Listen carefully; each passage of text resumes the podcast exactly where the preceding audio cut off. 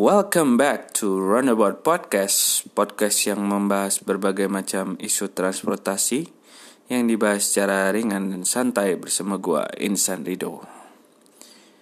Setelah episode yang lalu gua ngebahas mengenai transportasi di Bandung, berikut permasalahannya yang sangat kompleks.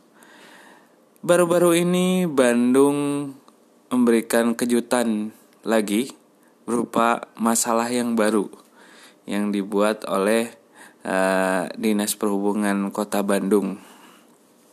Mungkin lo semua udah pada dengar ya, terutama mungkin pengguna media sosial mengenai konsep Grab to Work yang dicanangkan oleh Dinas Perhubungan Kota Bandung yang ditujukan untuk uh, para aparatur sipil negara yang berdinas di Dinas Perhubungan Kota Bandung untuk menggunakan Grab ke kantor. Dan bukan hanya sebuah anjuran tapi juga sebuah regulasi yang cukup ketat karena akan memberikan denda kepada para ASN atau aparatur sipil negara tersebut jika tidak menggunakan Grab ke kantor. Ini gue akan coba bahas hal ini lebih mendalam di segmen selanjutnya yang mungkin bakal gua breakdown mengapa masalah ini tuh bisa jadi cukup besar ya, terutama di kota Bandung. Jadi stay tune.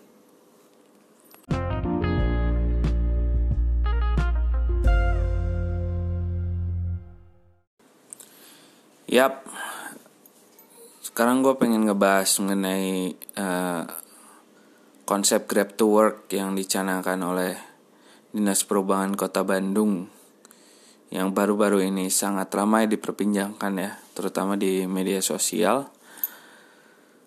Dan gue sebenarnya saat membaca pertama kali berita ini gue cukup apa ya, cukup aneh dan uh, walaupun gue juga tidak surprise ya dalam artian ya mungkin jalan berpikir dari beberapa uh, dinas di kota Bandung ini memang memang begitu gitu. Memang seperti itu. Jadi ya di satu sisi gue merasa aneh dengan adanya berita ini tapi di sisi lain juga gue ngerasa ya mungkin wajar lah. Karena ya memang gue rasa sesuai dengan hal-hal yang gue bahas di episode sebelumnya mengenai permasalahan transportasi di kota Bandung ya ya wajar saja seandainya uh, beberapa regulator di kota Bandung berpikir seperti ini gitu. Dan bagi yang belum benar-benar paham mengenai konsep Grab to Work ini gue akan coba jelasin ya mungkin secara singkat aja konsep yang memang ditelurkan oleh uh, dinas perhubungan kota Bandung. Jadi bukan untuk seluruh aparatur sipil negara atau biasa kita kenal PNS di kota Bandung ya. Jadi tidak semua instansi, semua dinas di kota Bandung, tapi hanya untuk dinas perhubungan. Itu yang perlu mungkin jadi catatan ya.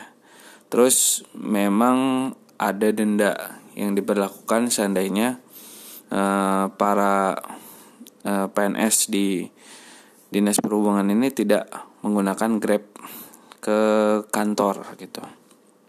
Dan kalau gue coba pahami dari beberapa wawancara yang dilakukan kepada uh, pejabat di Dinas Perhubungan Kota Bandung, mereka menyatakan bahwa uh, ini adalah bagian dari uh, corporate social responsibility yang dilakukan oleh Grab ke uh, berapa instansi di kota Bandung ya. Dan mereka uh, lebih menekankan ke sistem carpooling atau biasa kita kenal sebagai ya uh, saling nebeng menebeng lah dengan uh, satu mobil atau mungkin dua mobil gitu. Dan sebenarnya sistem ini pun sudah banyak dikenal ya, terutama di kota-kota besar karena beberapa provider seperti Nembangers itu sudah berjalan mungkin lebih dari dua atau tiga tahun sehingga konsep carpooling sendiri sebenarnya bukan barang baru ya. Dan eh, memang kalau di dilihat dari eh, semangatnya mengenai carpooling sebenarnya nggak salah juga. Dan memang mungkin akan mengurangi dari sisi penggunaan kendaraan pribadi dari para aparatur sipil negara ini gitu. Dan gua rasa juga uh, sebagian besar dari para ASN di dinas perhubungan kota Bandung pasti banyak menggunakan kendaraan pribadi juga. Gua nggak tahu konsep hmm, apa ya teknisnya seperti apa. Misalnya hari ini satu orang aja gitu yang bawa mobil sehingga lima orang lainnya nggak usah ikut jadi naik mobil dari orang itu. Dan gue nggak tahu skemanya gimana dia bisa terintegrasi dengan Grab gitu. Apakah memang satu orang aja mesen Grab terus menjemput yang lainnya gue nggak tahu. Tapi sistem ini gue rasa memang apa ya agak aneh sih gitu. Dan dengan diberlakukan denda itu kalau nggak salah 50 ribu atau 100 ribu gitu sekali. Sekali tidak menggunakan grab ke kantor gitu. Dan gue mungkin melihat ya bukan dari segi besaran dendanya sih tapi dari sistemnya sendiri pun sudah aneh. Karena ya lu sulit untuk melakukan kontrol dan evaluasi terhadap kebijakan ini tentunya gitu. Dan uh, lagi-lagi apa ya gue melihat sebenarnya tujuan besarnya sih sebenarnya nggak nggak completely wrong lah gitu. Ada hal yang memang cukup bagus artinya orang uh, dari dinas perhubungan kota Bandung sudah cukup aware dengan carpooling walaupun menurut gue uh, agak telat sih gitu. Dan e, banyak di sisi lain yang mungkin dari segi legalitas dan hukum mengenai e, apa ya Grab ini bisa masuk sebagai istilahnya CSR atau corporate social responsibility yang benar-benar single company ini bisa masuk itu perlu dipertanyakan. Karena tentunya harus melewati uh, proses yang namanya pengadaan barang dan jasa juga. Dan walaupun dibilang CSR gue nggak bisa bilang itu benar-benar CSR juga karena memang belum ada bukti yang secara jelas ya mengenai hal itu gitu. Dan gue akan coba uh, bahas lebih lanjut mengenai uh, kebijakan ini.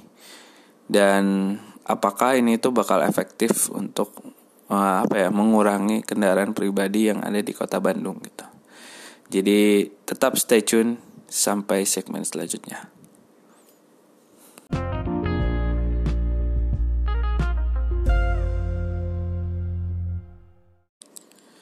Ya, tadi gue udah ngebahas sedikit mengenai uh, konsep Grab to Work yang diberlakukan di Dinas Perhubungan Kota Bandung.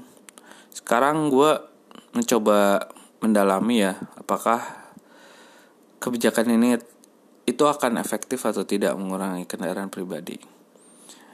Gue bisa bilang bahwa uh, pasti ada perubahan sedikit ya terhadap kuantitas uh, penggunaan kendaraan pribadi, khususnya di kalangan uh, dinas perhubungan kota Bandung ya.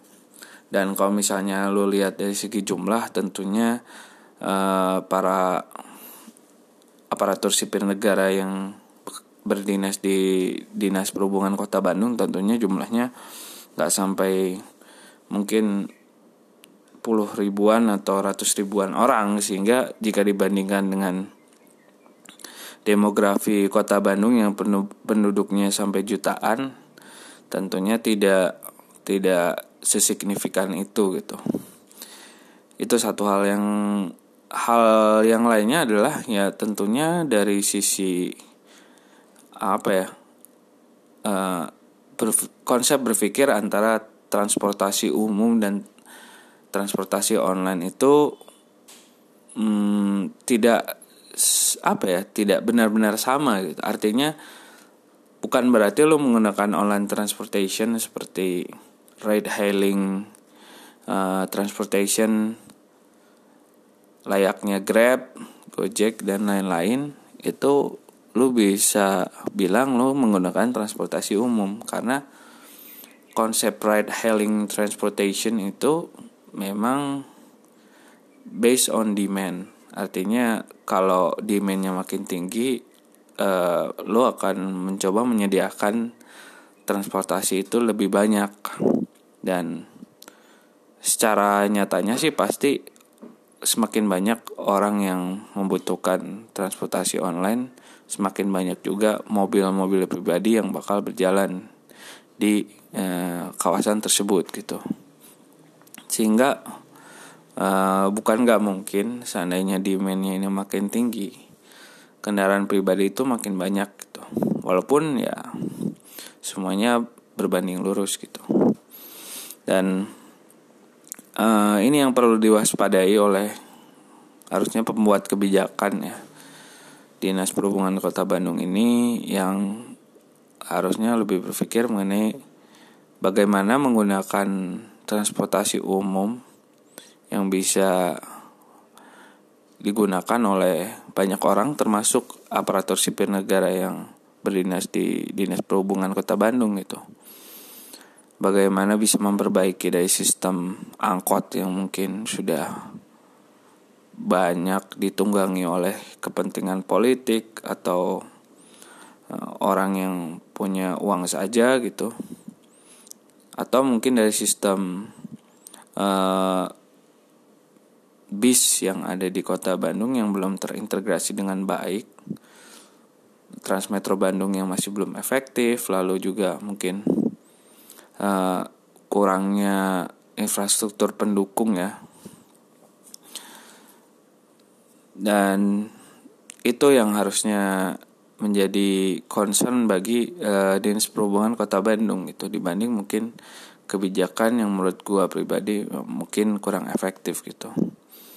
Dan mungkin satu poin tambahan yaitu mengenai kenapa harus Grab kenapa harus satu company gitu? Kenapa tidak langsung saja uh, semua transportasi online gitu ya? Ada kan bukan hanya Grab ada juga Gojek dan juga mungkin yang lain anterin dan lain-lain. Itu gue merasa bahwa uh, banyak gesekan kepentingan di sini sehingga ada ada ada konsep netral yang tidak terwakili dan terwadahi di sini sehingga pasti menimbulkan pertanyaan gitu. Mungkin segitu dulu dari gua. Semoga bisa ngasih insight yang mengenai permasalahan Grab to Work di Bandung ini. Dan terima kasih sudah mendengarkan episode kali ini. Sampai jumpa di episode Roundabout Podcast selanjutnya.